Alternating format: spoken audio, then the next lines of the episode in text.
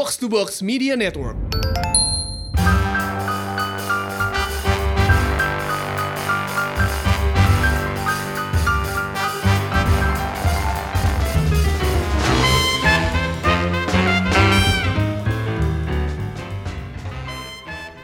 Selamat datang di Showbox Podcast. Gue Tepi. Hari ini gue yang ngambil alih podcastnya. Tapi bohong. Yeay. Enak juga ya sekali-sekali nggak membuka acara nggak? Enak loh, duduk Iya, aja duduk gitu. aja. Selesai gue yang merasakan. Selamat datang Tepi. Halo, Tepi.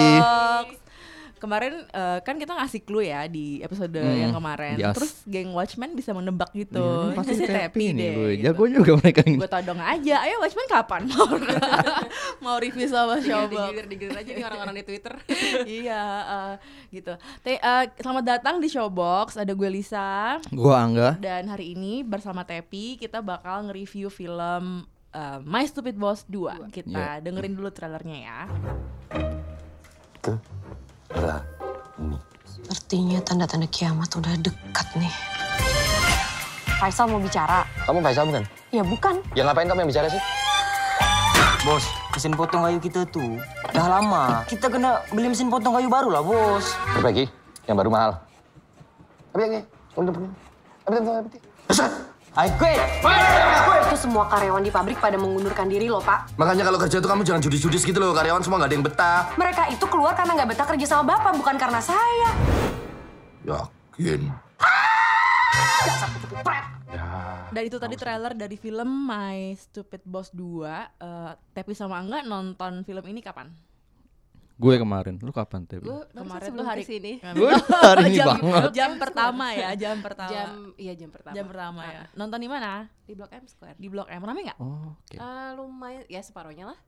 Lumayan loh buat jam pertama ya. Iya. Buat jam pertama makanya. gitu. Gua kemarin juga di Blok M Square jam, Jam kedua, berapa? Jam kedua, ha? tiga per, hampir tiga per Kemarin tuh hari sih. Kamis ya, by the way. Kemarin hari Kamis, ini hari iya, Jumat. iya. Mm, mm, Hari Kamis, hari pertama pemutaran My Stupid Boss 2 mm, mm, mm, mm. Setengahnya, ah tiga Setengah. per empatnya Tiga keisi ya. Gue nonton hari Kamis jam 7 malam di Senayan Mm-mm. penuh Wuh. Oke. sampai depan-depannya gitu, sampai depan-depannya literally sampai gue nanya Ih. sama mbaknya, "Mbak, ini ada event ya?" Maksudnya gue tak Nobar kayaknya gitu. ada Nobar atau apa? Enggak, emang emang laris aja gitu loh. Jadi kayaknya emang ini sequel yang dari uh, filmnya Upi yang dinanti-nanti Hmm. banyak orang ya. Hmm. Dan emang yang nonton tuh kebanyakan kayak kelompok-kelompok orang-orang kerja yang bareng-bareng gitu kayak kelihatan gitu kayak mereka tuh Oh. masih pulang kantor gitu, ketawa-ketawa. Jadi mungkin uh, relate dengan konten My Stupid Boss. Mungkin juga itu. Kalau tadi ya mungkin karena masih jam kerja ya. Iya, kan heeh. ibu-ibu. Heeh. oh, oke. Dan ya ibu-ibu sih banyak kan. Iya, iya, iya, iya. gue di bawa, bawa anaknya dong. Terus Umur berapa? anak anaknya panggil panggil ayah ayah. Terus di tengah-tengah dia main handphone dong. Buka YouTube. Aduh mak. Mungkin aduh bosan nih filmnya. Ya anak bawa anak-anak ya gimana? Jadi jadi eh, se- oke sebelum kita ngobrolin film My Stupid Boss 2 eh, mungkin Angga bisa bacain dulu. Ini filmnya tentang apa sih My Stupid Boss 2 ini enggak? Ya ini gue ambil dari situs filmindonesia.or.id. Ya. Jadi sinopsisnya adalah tentang karena kekurangan karyawan pabrik, Bosman mer- berniat mencari karyawan baru di Vietnam. Berangkatlah Bosman, Diana atau Krani, Mr. Ko, Adrian ke Vietnam. Tapi di sana bukan yang mendapatkan karyawan baru, tapi justru mendapatkan masalah bertubi-tubi karena ulah Bosman yang melanggar kesepakatan eh, jumlah gaji sehingga membuat para pa- para calon pekerja di Vietnam ini mengamuk. J- Bosman dan karyawannya pun akhirnya ditahan di- di kantor polisi. Sementara itu di Kuala Lumpur, karyawan Bosman lainnya itu Sisikin dan Azahari juga harus menghadapi masalah. Mereka disandera oleh gangster, debt collector sampai Bosman harus em, melunasi hutangnya. Ya udah kali ini eh, ulah Bosman membuat Diana dan teman-teman karyawannya marah dan berpikir untuk melakukan sesuatu. Apakah itu? Jadi ini bencana after bencana ya. iya. Bosman tuh membawa bencana.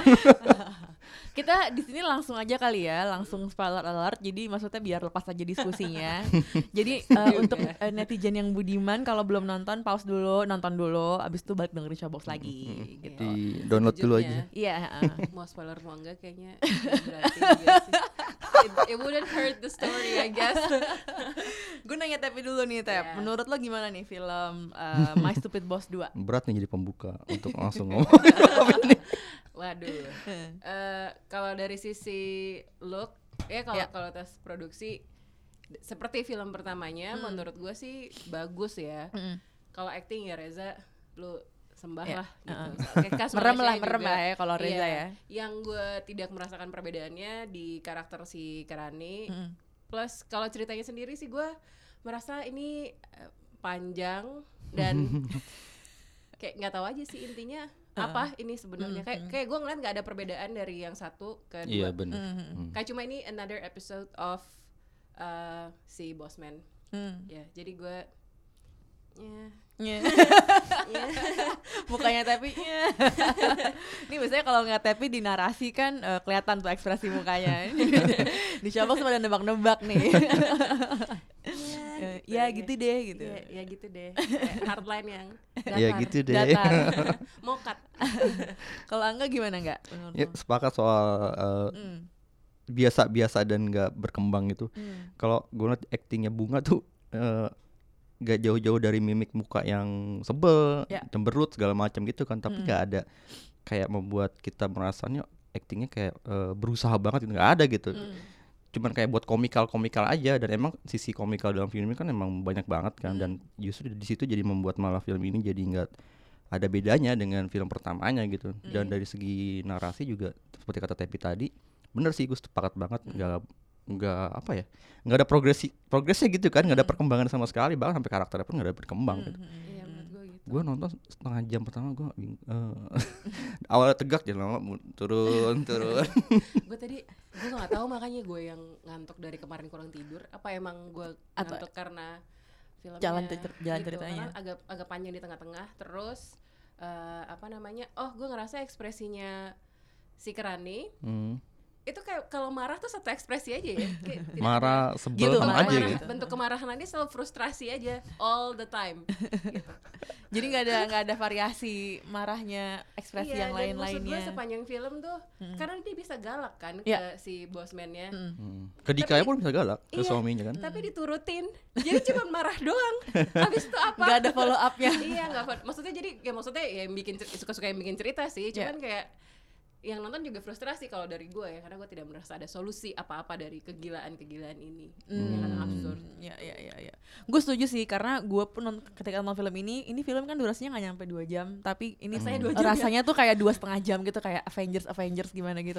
Lumayan Avengers kayak gimana gitu. Avengers Lu- 3 jam nanti. Avengers yang end game. lumayan aduh ini lama banget ya gue kayak ngeliatin jam terus karena gue nggak ngerasa eh, oke kita kita ke premis ceritanya dulu ya ini Iya. kan mereka ke Vietnam untuk nyari karyawan baru Mm-mm. gitu ya untuk nyari karyawan baru yang which is oke karena bosnya pelit dan segala macam oke lah ada gimmick apa hotelnya murah terus harus sekamar bertiga, Bertiga. yang si Mr. Ko sama Adriannya terus eh, ok- udah nyampe sana pun eh, terus malah jadi dapat bencana gitu jadi nggak dapat apa-apa jadi kayak gue nggak ngerti ini jalan ceritanya sebenarnya iya. tujuannya tuh apa gini cerita ini di, diceritakan gitu kan. Jadi terus lo nggak dapet juga cuma bercanda-bercanda doang. Terus pada akhirnya eh kosong aja jadinya tujuannya nggak terlalu nggak terlalu kedetek dan gue setuju banget ketika dibilang karakternya si eh, BCL itu ya apa satu satu dimensi aja gitu loh marah aja gitu. Dan gue agak gemesnya karena maksudnya lu tuh nggak bisa mengambil keputusan. Maksudnya tadi gue udah semangat nih oke gue mau resign. Terus dia kayak eh, bilang ke semua timnya gitu kayak temen-temennya dan gue yang kayak oke lo akan jadi kayak semacam pembawa perubahan lah nih ya di cerita Mhm. ini. Terus kayak something's gonna happen gitu tapi ternyata enggak gitu loh. Iya. dan premis bos yang eh, my stupid boss bos yang bodoh yang stupid tapi gak tapi sebenarnya baik tuh kayak nggak Nggak dijelasin gitu loh terus kayak ya udah sebenarnya dia baik tapi tapi ya terus so gitu he's still like an Itu- awful person gitu kayak Itu sebenarnya mengulang formula film pertamanya Iya, kan sebenarnya dan soal menunjukkan kebaikan si bosnya itu Iya, dan akhirnya yang membuat mereka tiba-tiba. jadi iya Iya. tiba-tiba dan akhirnya membuat para Iya. karyawannya jadi luluh lagi Ya, gitu. Ya kalau di film ini mungkin yang keduanya nggak terlalu tiba-tiba ya karena Iya. udah kayaknya dia tahu nih orang-orang pada apaan sih kok tiba-tiba dia baik gitu. Jadi tiba-tiba eh, terus ada yang adegan dia ngasih uang ke Raj karena ada Iya. salah satu anggotanya, anggota sih karyawannya yang sakit terus dikasih uang diam-diam gitu dan di dan orang lain nggak boleh tahu. Tapi maksudnya karakternya Bossman ini tuh nggak dijelasin kenapa dia kayak gitu tetap di film kedua Uh-uh, ini ya nggak iya, sih? Hmm. Jadi kita tuh kayak oke lo orangnya pelit, lo orangnya apalah segala macam nyebelin tapi sebenarnya lo orangnya baik. That's it gitu. Kita kayak harus nerima udah selesai gitu doang gitu. Makanya. Tapi mah bentuk kebaikan lagi masa cuma pizza. Kayak plantingnya tuh kayak kok ngacak ini? Gimana? Apalagi yang pertama dulu agak dendam ya gue udah tiga perempat disiksa gini kok tiba-tiba berhati mulia? Terus yang lainnya maafin gitu. Kayak Ya, sekali makanya. terus dimaafin gitu. Dan mereka kan tahu karakternya si Bosman ini kan emang senyebelin itu gitu. J- jadi segampang itu juga maafin ya sama apa tadi tadi gue tadi eh, oh menurut gue lu pernah baca komik Hagemaru gak sih si Hagemaru. Hagemaru yang merkinya merki banget Enggak enggak pernah ini kan udah level gimana absurd gimana ya. boleh diceritain nggak jadi pokok- pokoknya si komik Jepang ini Uh-uh. eh, bentuk eh, penghematannya tuh sampai yang ogah rugi yang Hmm. bisa ngorbanin orang lain kan terus Uh. itu tergambar juga sama si siapa namanya si bosmannya mesen fe dari dua jadi satu. Iya, nah uh, uh, itu betul. tapi aneh kan untuk orang yang segitu pelitnya tiba-tiba bawa tiga karyawan ke Vietnam. Iya nggak dijelasin kenapa ada, bawa tiga. ini fungsinya apa. Iya. itu kan costly terus tuh Iya. jadi jadi Eko mikirin eh, apa? Kos karyawan yang ada di pikirin sini. logistiknya ya Tep. Pikirin logistiknya udah gitu.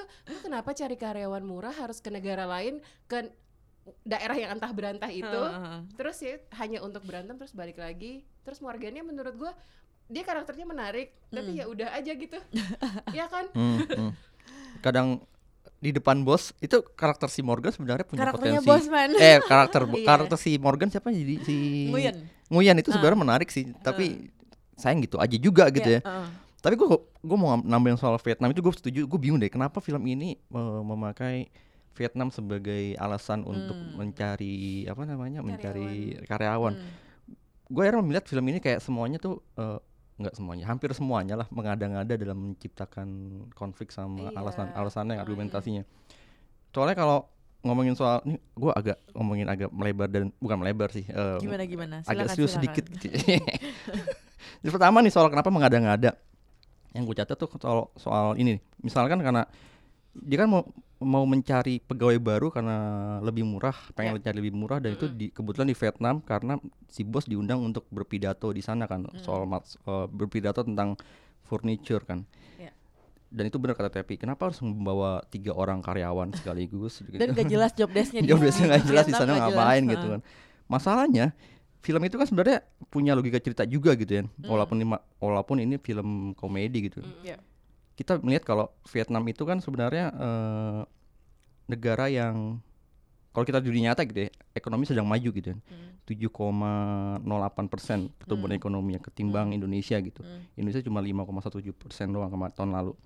Eh, dan itu tertinggi juga kan dibandingin di negara-negara lain juga. Nah, eh, di sana juga eh, Vietnam juga punya industri manufaktur yang gede gitu kan. Eh, dan menarik banyak pekerja pekerja lokal di sana. Dan kenapa para investor tarik ke sana kan karena industri in- berbagai industrinya sedang maju termasuk terutama soal manufaktur tadi dan juga pekerjaannya murah dan pekerjanya juga punya kemauan belajar yang kuat juga gitu. Cepat belajarnya.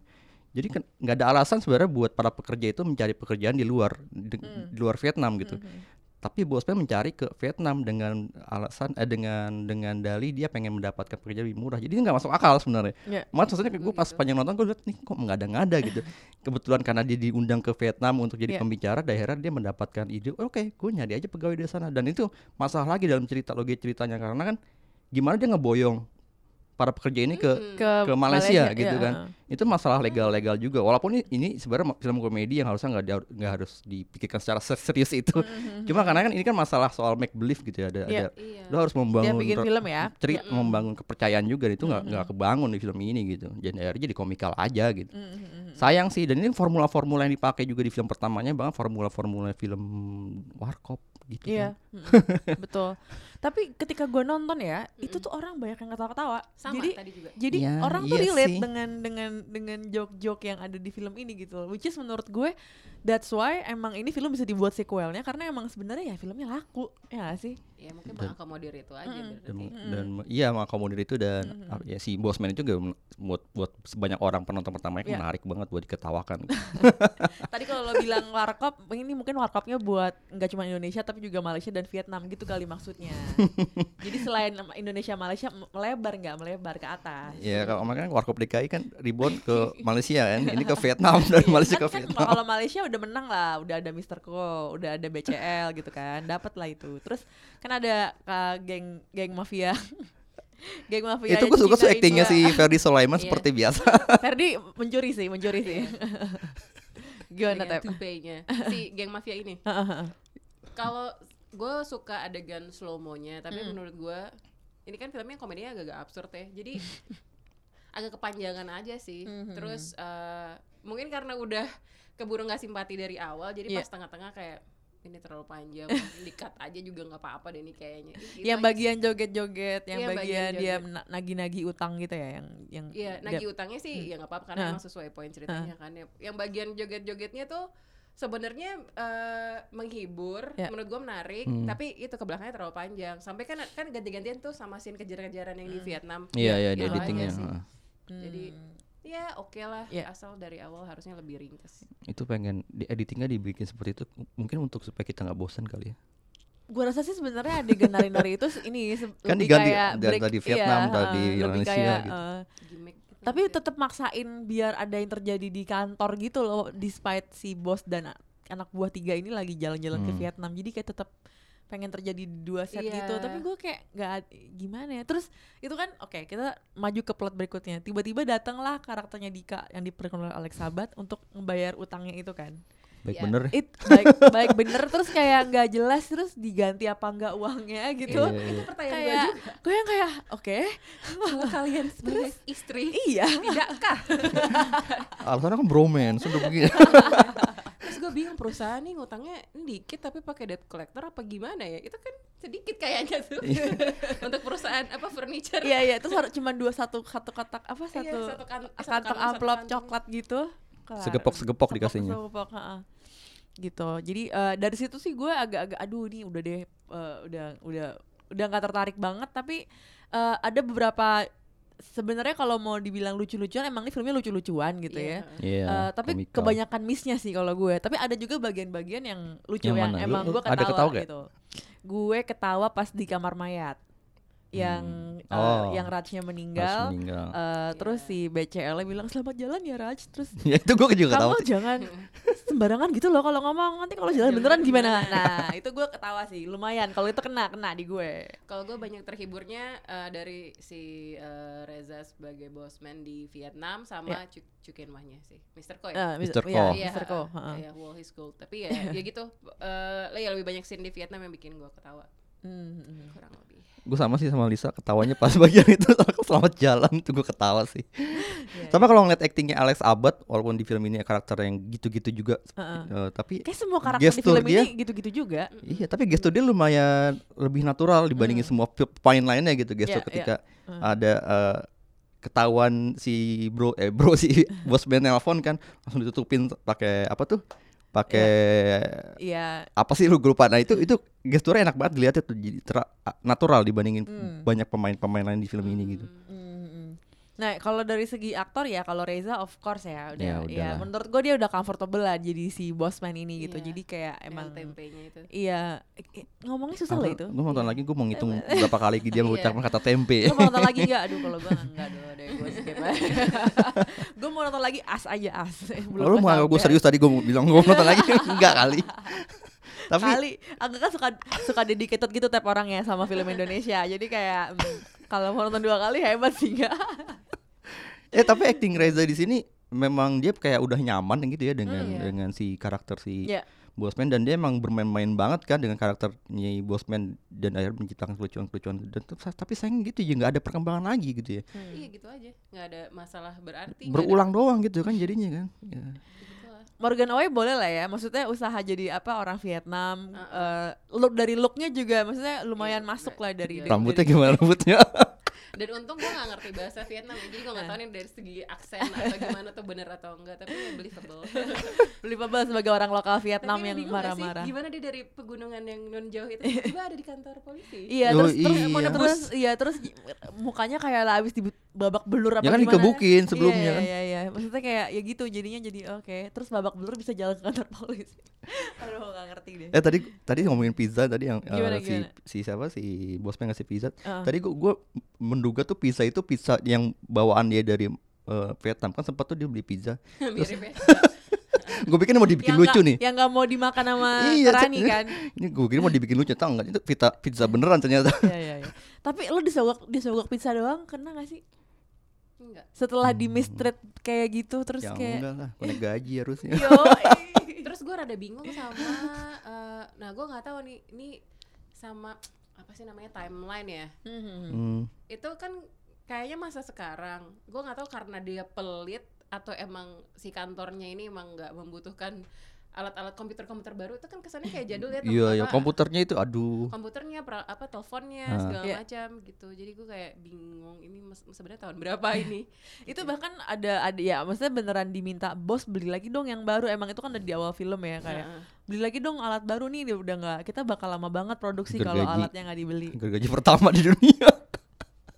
Terus nggak maksud gue kenapa sih bosnya kayak gitu tetap nggak ada itu yang membuat gue Iya, frustasi Kenapa gua gitu loh itunya frustasi Kenapa ya banget dia kenapa bosnya ini tuh kayak gini gitu tetap nggak dijelasin bisa gitu. medit bisa tiba-tiba baik bisa iya kan bisa aneh dengan selera humor ini itu tuh ya. jadi kayak semacam excuse buat apa ya percaya sama bos lo aja deh walaupun bos lo tuh memperlakukan lo dengan tidak adil atau kayak gimana Hmm. gitu loh jadi tuh gue kayak aduh gue nggak ada nggak bisa simpati dengan cerita kayak gini sih kayak oke semua Iya. bos juga manusia tapi tetap aja kayak ya lo harus memperlakukan karyawan lo seperti manusia juga gitu jangan Hmm. kayak yang Hmm. aneh-aneh aja nyebelin tanpa alasan gitu. Heeh. Gue rasa kalau sequelnya ini justru membahas sedikit backgroundnya dia Iya, lebih iya, iya. menarik Iya, ya. Iya, menarik. iya. Atau mungkin kenapa anak-anak orang-orang ini tuh bertahan di situ maksudnya ya udah cari kerjaan Iya, lain aja heeh. gitu kalau yang eh yang kayak kerani gitu kan maksudnya dia emang sebenarnya udah mau act- mau udah, udah mau melakukan sesuatu nih tapi kayak nggak tahu kenapa Hmm. kenapa dia stay itu loh kayak Iya. why you kenapa juga gitu kan Ya, kayak itu motif-motif para Iya. karakternya nggak jelas, Iya, nggak kuat, makanya. nggak kuat Coba semua. kalau misalnya dia mengalami cobaan apply ke kantor lain terus ditolak atau ternyata bosnya juga nggak menyenangkan Hmm. juga. Iya. Iya nggak ada bumbu itu. Nah, itu cuma nonton orang film orang jalan-jalan aja. ya ya ya ya ada catatan lagi nggak nggak Catatan lagi nggak tentang ada film sih. My Stupid Boss harus dibuat sequelnya nggak My Stupid Boss 3 Masya Allah. gue mau ngomong itu juga sih ya udah diwakili sama Tevi sayang sih sebenarnya ya, eh, udah dibikin sequel cuman ya Hmm. gitu-gitu Menurut juga gitu ngulang-ngulang tuh ini Hmm. menarik sih. iya iya iya Ya kan? dan Kenapa dan bikin- apa ya etnisnya banyak loh jadi sebenarnya itu Hmm. peluangnya buat buat dibikin komedi cerdas Mm-mm. Nah, kan Ya. dengan Iya. dengan dengan ngomongin stereotyping gitu sebenarnya Hmm. menarik banget cuma nggak dimanfaatin dan gue kayak pengen banget ini film emang jadi hubnya eh kayak parodi pop culture-nya in, in Indonesia, Malaysia, emang eh, out- Southeast Asia, Iya. Southeast Asia gitu. Sebenarnya tuh potensi yang menurut gue hilang aja gitu. Maksudnya lo bisa lo bisa banget sebenarnya men- menjebatani budaya-budaya Iya, iya. negara-negara ini gitu ya. Maksudnya gue sebenarnya suka yang bagian geng mafia India Cina itu karena itu Mm-mm. sih karena mereka bisa beneran masukin unsur kayak gitu dengan Iya. kayak Iya, oh udah ada aja. ya. Cuman emang kepanjangan emang kayak aduh udah udah udah lama nih lumayan gitu. Iya, makanya sama itu kalau pun nanti ada My Stupid Boss 3 Tiga. Hmm. pengen gak sih keraninya tuh kayak marah-marah tapi megang dan menyelesaikan masalah gitu Nah, iya, tuh pengennya- lu galakin kayak bos lu lu galakin kayak suami Iya. lu dia sebenarnya cukup galak ya dengan dengan orang-orang dengan bos dan suaminya juga yang kayak Hani Iya, kamu tapi kayak jangan gonggong doang. tapi udah nggak nggak apa ya nggak ada action follow upnya follow upnya nggak ada Ah, ah, follow ah, upnya gitu. Gua nonton film My Stupid Boss 2 jadi tahu namanya si Bosman kan. siapa namanya Henry eh Her ya Henry Suryaman. Henry Suryaman. oh Henry Suryaman ya Kan pas di- pas dipanggil disebut ya ini Iya, podium untuk maju Henry Suryaman. Gue pikir orang lain siapa nih? Eh, dia maju. Kok gak ada Jawa-Jawanya? itu itu juga pertanyaan gue by the way kenapa Itu orang kan si- Jawa enggak enggak bukan bukan si si bos ini diundang Eh, untuk jadi untuk ngasih speech Mm-mm. berarti kan dari semua kebodohannya dia ada Ah. yang bener gitu Ah. tapi Itu gak diangkat ya? Jadi maksud gue gue tuh bingung nih orang tuh sebenarnya pintar apa goblok apa gimana gitu Atau beruntung doang? Iya, iya, iya, Beruntung iya. doang, Jadi harusnya kita bersikap kayak gimana nih sama si bosman ini gitu kan? Kita Iya. harus suka sama dia karena dia sebenarnya emang bermutu atau emang enggak gitu ya? dia bermutu tapi nyeleneh Hmm, fine iya. jadi kayak, kayak orang goblok ini kenapa bisa survive Hmm, gitu Bisa punya perusahaan, bisa punya dan perusahaan, diundang ke dan Vietnam. orang-orang masih tahan walaupun udah sebel itu ya kurang lebih gitu Oke, itu tadi review kita film My Stupid Boss. Tajam ya reviewnya. Tajam. ini kita agak Langsung. berapi-api sih. Habis ini dipanggil sama Falcon. Coba itu tiga orang. Habis gimana? Kita menaruh harap, gue sih menaruh menaruh ekspektasi juga lumayan film ini. Iya, karena gue tahu film ini bakal dinantikan banyak orang dan terbukti kan ketika gue nonton tuh yang nonton sampai Rame, depan. bener. Oh, dan itu bukan sana ya. iya bukan nobar loh tuh di Plaza Senayan gitu kan.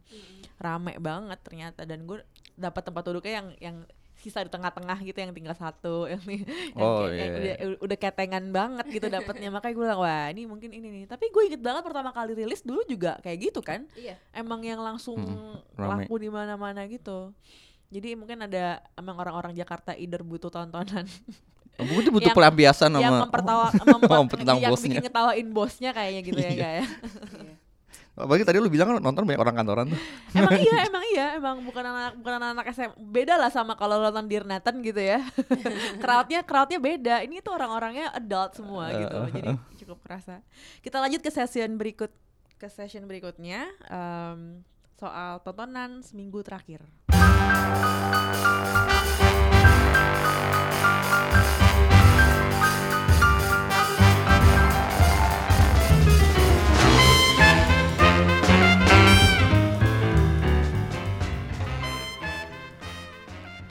balik lagi ke Showbox kita bakal ngomongin em, film-film atau serial TV atau apa pun yang kita tonton di seminggu, Seminggu terakhir. terakhir. gue ngaku dosa dulu nih, geng. Gue nggak.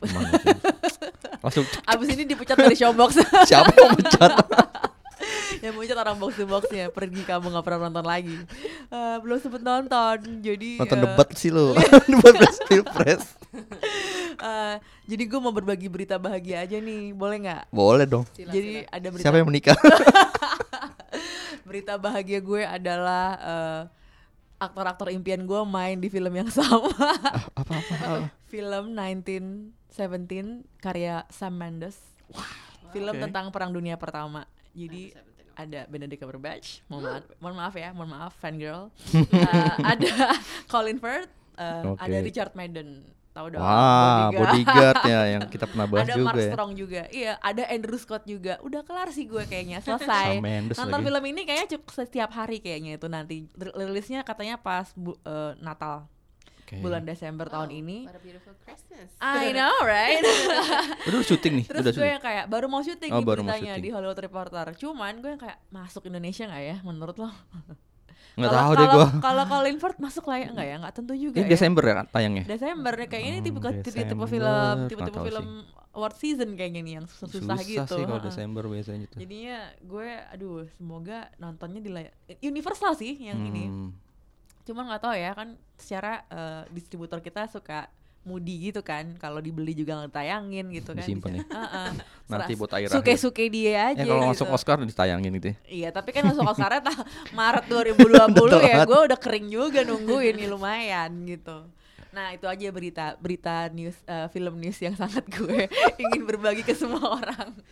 Eh, eh, tapi boleh cerita eh, seminggu terakhir nonton film apa? Kayaknya seru banget nih. ini sebenarnya ada beberapa. Tapi mau highlight yang kita setuju saya. nonton The Secret. Waduh. Tunggu tunggu, gue kejut-kejut dulu. Gue juga udah nonton. Gimana gimana pendapat? seru nih, seru nih. Antara Tevi dan Angga Iya, udah nonton iya, udah nonton? Angga, Oh, Angga. Gua- iya, gua iya. nonton. Gua Bagus banget sih. kan Tep pasti. Oh parah lu. ya Robby ya. Gimana ya kalau dari poster sih mengecoh ya Iya. karena emang. bagus Ya. Bagus Berarti berhasil posternya, men. posternya Promosional materialnya. alat promosi yang bagusnya bagus ya terus eh, apa namanya tapi ya gitu sih eh apa ya banyak banyak yang nggak masuk di logika Ya. terus Hmm. dari acting juga menurut gua datar banget Iya, iya, iya bener. terus ini gue masih ngutang mau nulis reviewnya di blog Hmm. Tapi lo perhatiin gak sih nggak? Eh, kan si ibunya Riana tuh berprofesi sebagai eh, penata rias Ya, ma- jenazah. jenazah. heeh. Terus kan ada shot yang eh, dia lagi dandan jenazah. Yang di awal-awal. Iya jenazahnya masih napas, Bo. Wah, gue gak perhatiin. Sumpah gue Wah, perhatiin. gimana itu? Jadi dari yang close up sampai yang dari belakang terus kayak loh kok perutnya turun naik? Jadi kayak oke dari sini aja udah nggak enak. Terus dari segala macam item-item yang Iya, ada iya. di rumah eh, si Rumah pam omnya, pamannya, omnya oh, pamannya.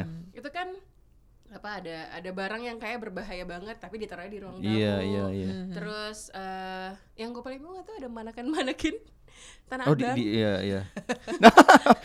Maksudnya Di, di, di gudang di ada Abang? manekin. jadi si bap si omnya itu tuh Hah? kolektor Kolektor barang benda-benda eh, iya barang barang-barang antik kan dia jual jadi entah karena judulnya kolektor barang antik gue nggak ngerti kenapa ada manekin-manekin ini didudukin di pojok-pojok rumahnya gitu dan itu eh, selang belasan tahun setelah Rihanna gede ya begitu Masih aja. ada ya? Uh-uh, sama bonekanya tuh eh, apa bonekanya lu sempat berasa nggak sih dia dari pirang jadi coklat rambutnya jadi Enggak. pertama kali lihat di belakang gue saking nggak saking udah gak nyamannya gue gak perhatiin itu nontonnya yang penting gue cepet selesai nonton itu iya ya? iya iya Oh, gue gitu. gue ngeliatnya gitu sih kalau gue nggak salah inget ya nanti gue coba lihat lagi tapi yang gue nonton emang gak fokus sih makanya gue aduh filmnya apa sih sama sama yang gue bingung lagi nih ya lo bikin ini gue nggak jelas tuh hantu-hantu tuh settingnya kayaknya lagi di Eropa Iya, hantu-hantu Gimana- Eropa gitu kan gimana kesannya. bisa sampai di Indonesia itu settingnya nggak jelas terus mereka dulu pakai bahasa Belanda sama bahasa Perancis tuh yang hantunya oh iya apa- ada Perancisnya Iya ada Perancisnya, tapi dengan logat yang jauh dari logat pem- apa native speakernya, udah gitu eh, pas mereka menghantui orang-orang Indonesia ini jadi kebule-bulean. Kamu tahu tidak? Sumpah kayak gitu. Iya, gue inget itu bener, itu bener. Iya, Kayak daripada kalau nyari komedi daripada nonton Boys to Bus 2 apa nonton ini ya? Iya. nyari komedi ya kan? Sejujurnya sih gitu, sayang banget. Terus tiba-tiba ini boleh gak sih gue se seloncer ini apa? Boleh Boleh. Oh iya iya. iya. Showbox Terus terbuka terus ini men- uh, menurut gue mungkin dia pikir penontonnya tuh uh, nggak pinter apa gimana ya. Jadi si karakternya menjelaskan kenapa dia melakukan itu. Kayak si Satan si Baba siapalah itu ya. Hmm, pembunuh kamu berantai tadi itu. begini kan makanya saya begini begini begini begini gitu. Jadi dia kayak jadi dia kayak mau bunuh yang A terus kayak dia ganggu sama B akhirnya nyamperin yang B terus tadinya kamu mau begini kan jadi ya gitu lah Ini logika kayak cerita sinetron tuh. Jadi kalau nggak per- iya. nggak ada gambar Iya. dijelasin pakai omongan. Oh gitu, ya. Gitu. Jadi uh, tell not show ya berarti ya. Iya. Show. Terus abis itu yang ada karnival di tengah jalan tuh gimana ceritanya gue juga gak ngerti. Satu sama hantunya eh, ini. Jadi jadi si Arakasi dan kawan-kawannya ini eh, kabur secepatnya dari rumah, ninggalin si hantu yang di rumah, terus mereka turun karnival, totalnya hantunya ada di mobil. Jadi kayak nyusul aja gitu. Terus akhirnya dikejar-kejar sama eh, ada dua orang aneh lah, orang sirkus atau apa di situ yang eh, bunuh-bunuhin eh, Iya, iya, iya. aneh banget tapi tapi ada ada dua scene yang menurut gua bagus si yang montase ini Yang eh, kehidupannya Riana Oh, zaman dulu dari zaman awal dulu, yang hmm. slow mo sama yang adegan boneka boneka itu gitu jadi kayak gue udah lupa. Par, par baru nonton dua minggu lalu. Lu ya. baru nonton dua Iya. minggu lalu enggak? Nggak memorable filmnya. iya tapi itu sih dari dari awal jenazahnya masih napas gue kayak oh oke ya Segitu kenapa- aja di attention to detailnya gitu. Apa? Segitu aja attention to detailnya di film ini. Jadi kayak hmm, oke. Lu kenapa memutuskan mau nonton film itu waktu itu? apa Kenapa lu memilih Oh. film itu ditonton? ya bi- biar tahu aja Oh. Kalau gue, iya sih gue juga. Kalau gue ya, sebenarnya penasaran loh si sekretariatnya ini ceritanya apa gitu. Iya. Emang gue tuh penasaran sebenarnya, cuman emang belum ada waktunya aja nonton itu. Tapi terus denger kalian berdua eh gitu reviewnya jadi hmm. Tapi sebenarnya karakter Indigo di film ini berpeluang banget untuk digali kan, untuk di- Hmm. untuk bikin horor gitu, horor atmosfer horor. Karena kan Iya. kita tahu orang- orang Indigo kan memang bisa melihat gitu. Mm-mm. Cuma penggarapannya nggak oke banget film ini. Iya makanya terus eh, apa satu lagi oh kayak suka ada hantu-hantu sporadis yang tidak sesuai konteks karena kan itu hantu bule tiba-tiba ada hantu Jepang yang merayap ke dinding Iya, tapi ya iya. udah muncul-muncul doang jadi gue nggak ngerti ini Itu dari barang-barang kolektor dari Jepang ya. oh sama buku yang itu buku penjelasan yang menjelaskan semua barang yang ada di situ tahu-tahu nemu ya udah gitu Ah gitu. Kayaknya ntar, kalau- ntar jadi tulisan lebih lucu sih. Iya nih nunggu nih gua ada Banyak emosi. insert insert Reviewnya Tevi di kasih dah kasih dahannya gitu ya kan. Angga nonton apa nggak? Gue nonton Arctic. Aduh, gue pengen Waduh, banget tuh film nonton bagus itu. banget filmnya Matt, eh, yang main yang Mads pemainnya Matt Mikkelsen. Hmm. Mikkelsen. Jadi tentang seorang pria terdampar di kutub utara akibat kecelakaan pesawat Aduh, dan dia harus ber- tipe eh, film tinggal gua di sana. Survival, Survival. eh, itu ya berarti ya. dan dari awal tuh nggak digambar gue mikir pas eh, nonton film ini bakal digambarin gimana dia jatuh dia bisa terdampar di kutub utara ternyata nggak langsung dikasih lihat aja dia udah lama tinggal di sana gitu Hmm. eh, survival actingnya bagus banget sih acting Matt Mikkelsen karena ini termasuk acting yang sulit ya karena kan nggak ada lawan main. Boleh dibilang nyaris nggak ada lawan main di film ini karena dia sendirian sampai akhirnya ada satu tim penyelamat mencoba untuk datang dan malah jat malah kecelakaan gitu gitu juga. Tapi ada satu yang masih hidup. Tapi bisa dibilang yang act- yang acting aktif dalam film ini ya cuma si si Matt Mikkelsen ini dan Hmm. dan film ini menariknya adalah selain karena dia berusaha memang realistis real- cukup realistis sa- saking realistisnya kita nggak dikasih eh, kalau kita nggak jeli kita nggak bakal tahu eh, ini si si Matt Mikkelsen ini tokoh si Matt Mikkelsen ini jatuh eh, dia ada di sana dari kapan? Hmm. dulu dia bisa dulu dia ada temannya atau enggak di sana gitu kan sampai akhirnya bisa ditemukan sama orang-orang lain tuh gimana gitu. Jadi lu harus detail banget memperhatikan semua elemen-elemen gambar terutama dari film ini gitu. Gak sabar dan itu menarik banget sih dan ini kan dikutup-kutup gitu ya dingin. Gue gue bayangkan kita sebagai Fresh orang iya. Tropis. Orang tropis. Wah cit dia kayak kedinginan banget gitu. AC 23 dikit aja pengen naik. Iya. Masuk angin gue 23 aja apalagi ini. Lo nonton Cold Pursuit Cold eh, pursuit. Cold Pursuit-nya si Liam Neeson juga lumayan kedinginan sih nontonnya kayak Hmm. salju salju salju salju gitu yang kayak lumayan nih gitu. iya iya.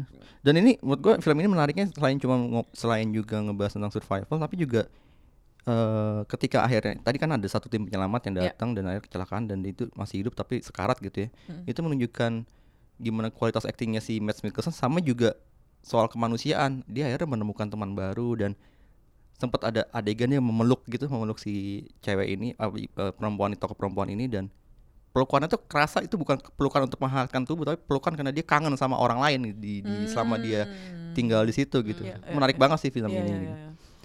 Gitu itu doang sih Mau. gue mau nonton terus harus nonton sih Nonton, mau banyak yang nonton. belum dikejar PR gue banyak banget. Thank you banget Tepi udah datang ke you, Showbox. Eh gue mau nanya dong Tep, Iya. lu agenda nontonnya gimana sih kalau seorang Tepi tuh? agenda nonton eh, Kan lo kan lo nge-review film nih buat narasi Iya, nih program iya. video. Eh, berarti kayak eh, tayangnya tiap hari apa, terus lo nontonnya kapan gitu? oh oke kalau misalnya yang untuk keperluan review di Tapiometer Hmm. Tayangnya setiap hari Sabtu eh, kita biasanya nontonnya di premiere karena dap- biasanya dapat press screening apa, Hmm. slot Ya. Eh, itu biasanya Kamis ya jadi ngejar itu aja sih sisa waktu yang ada untuk eh, syuting sama ngedit tapi kalau yang pribadi Ya. Eh, kapan pun gue bisa. Pokok dulu kalau zaman kantoran ya kejar aja setiap pulang kantor. Bisa tuh lima hari lima harinya gue nonton eh, ke bioskop. anjir. Kuat ya? Kalau gue udah gak kuat. kalau- kalau weekend bisa berturut-turut kalau niat gitu. Hmm, gitu. gitu gitu ya. Terus sekarang lo masih sempat ngeblok gak sih? Udah tiga bulan enggak kak Ini makanya gue harus nulis Riana Riana Riana Ya, kita motivasi Iya. Eh, gak Ayo, tau ayo. gak? Tepi ini baru bikin buku juga. Wah, iya Iya. disebut Mizan- Boleh gak cerita? Mizan Mi- Mizan Mizan apa Bentara itu ya Bentang. Oh, Bentang. itu sister company deh. iya masih satu Iya. ini kan grup Boleh gak cerita judulnya apa? Terus tentang apakah bukunya? Oh, oke. Mhm. Eh, ini buku kedua gue di eh, publish sama Bentang. Ya. Bukunya judulnya Suka-suka Tepi. Hmm. Sebenarnya formatnya tuh kayak apa sih yang tanya jawab yang di ini Instagram ya kayak mungkin kayak anda bertanya saya menjawab Oh. gitu lah ya cuman topiknya itu eh, permasalahan kehidupan saat ini tapi dari eh, dari masalah yang bisa muncul di usia rentang 20 sampai 30-an. Ya. Terus dibagi ke 18 kategori. Jadi ada ya percintaan, finansial, terus eh, urusan self love juga, eh, kantoran, urusan umum di hidup dan lain-lain. Pop culture juga ada. Hmm. Hmm, hmm. Ya gitu sih. Bisa Tapi, dibeli di mana nih bukunya? eh di toko buku di Gramedia eh boleh sebut gak sih? Boleh, boleh, Iya, boleh, Gramedia, boleh. Gunung Agung, eh, Paperclip juga ada, tapi paling gampang kalau mau itu di mizanstore.com. oh iya Itu ada yang sekarang lagi buka versi bundling hadiahnya tote bag. Hmm. Kalau yang biasa juga ada. Hmm. Gitu Berapa sih, harganya, kurang lebih. Eh, harga aslinya 69.000 tapi biasanya kalau di Mizan Store suka ada Dipotongan. diskon, Diskon, potongan. diskon ya. gitu. Itu delivernya disebutinnya suka-suka tepi karena delivernya ringan kayak gue nulis di blog. Kurang lebih kayak gitu. Jadi nggak Gitu. berusaha tidak menggurui. Asik asik asik. oke eh lo ada rencana bikin buku tentang film nggak? Kalau tentang film, gue sebenarnya agak eh, apa namanya ya masih minder kali karena gue knowledge-nya nggak sedalam itu kan. Jadi nggak Hmm. Masa nggak ada sih? dalam waktu Tapi kan lo deket ini. penonton penonton film banget sebenarnya. lumayan tapi gue ngerasa tuh kalau mau bahas soal film kayaknya gue harus tahu eh, dalam-dalamnya deh dari dari berbagai eh, apa namanya eh, spektrum gitu kalau Hmm. dari sisi penulis gimana sutradara mungkin orang-orang eh, kostum make up gitu-gitu kan juga harus ngerti kan biar gue nggak sotoy tapi jadi gue lebih eh, lebih suka nulis tentang yang ngepop aja sih yang jadi Asik. pembahasan netizen saat ini yang ramai dibincangkan Tep lo udah berapa kali netizen. viral? Udah berapa kali viral Tep? waduh Mas, lu hitung emang kagak ini ditanyain Penasaran gue sering banget gak? Ya Oke. nggak? masa sih Ya, Iya. iya sih ya gua Iyalah. Karena reviewnya tuh emang lu review-review di blognya tuh yang review suka-suka itu emang emang lucu buat dibaca eh, gitu gue loh. penasaran itu berapa lama sih kalau bikin blog gitu lo Iya, nulisnya? tapi itu Lu panjang nyari banget.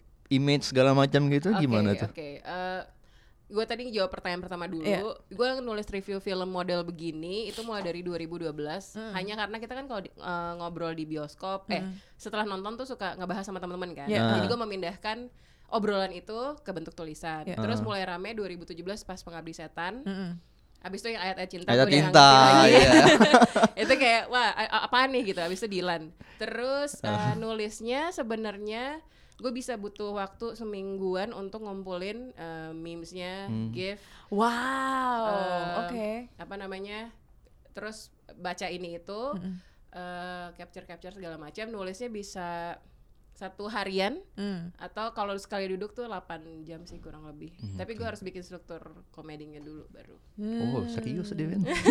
Gila loh, ini review bener. review film Tepi ini gue suka banget karena ini review film yang gampang diakses orang. Iya, orang iya. nggak perlu baca yang rumit-rumit nggak, nggak perlu baca yang bikin berkeriut-keriut gitu. Thank tapi you. ngerti, tapi Iya, ngerti iya, dan iya. dapat esensinya Dapet. dan jujur itu yang paling penting sih menurut gue, ya nggak? Macam. Karena yang review jujur itu orang-orang yang dikritik suka susah menerima. Kenapa Lis? Pernah punya pengalaman? Enggak, udah di situ aja. Iya. Nanti curhat bareng lah di depan. ya udah, thank you banget udah dengerin Showbox. Thank you banget Tepi udah main ke Terima Showbox. kasih, Eh, Andi. Thank you, ya Tepi. kalau diundang-undang lagi ya. iya iya thank you ya Thank you udah dengerin Thank Showbox. you. Bye bye semua. Bye.